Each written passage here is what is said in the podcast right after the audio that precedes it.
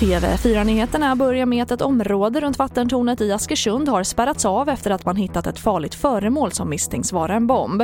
Och som polisen misstänker har en koppling med ett event som är planerat under dagen. Att man ska klä in vattentornet i en prideflagga.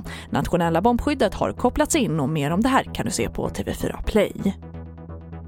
Och presidentvalskampanjen i USA är i gungning sen president Donald Trump i natt fördes till sjukhus för behandling. Han och flera personer i hans närmaste krets har ju testats positiva för covid-19. Och med bara en månad kvar till presidentvalet är det oklart hur mycket konsekvenser detta får. Vi hör Thomas Kvarnkullen på plats i USA.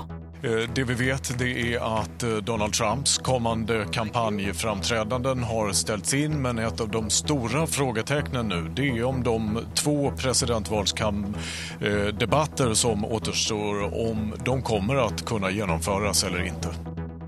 Och här hemma har det varit rekordmånga skjutningar i år i Stockholmsområdet, rapporterar Aftonbladet. Fram till 17 september hade det skett 97 bekräftade skjutningar vilket är fler än under motsvarande period under de senaste åren. TV4-nyheterna, jag heter Charlotte Hemgren.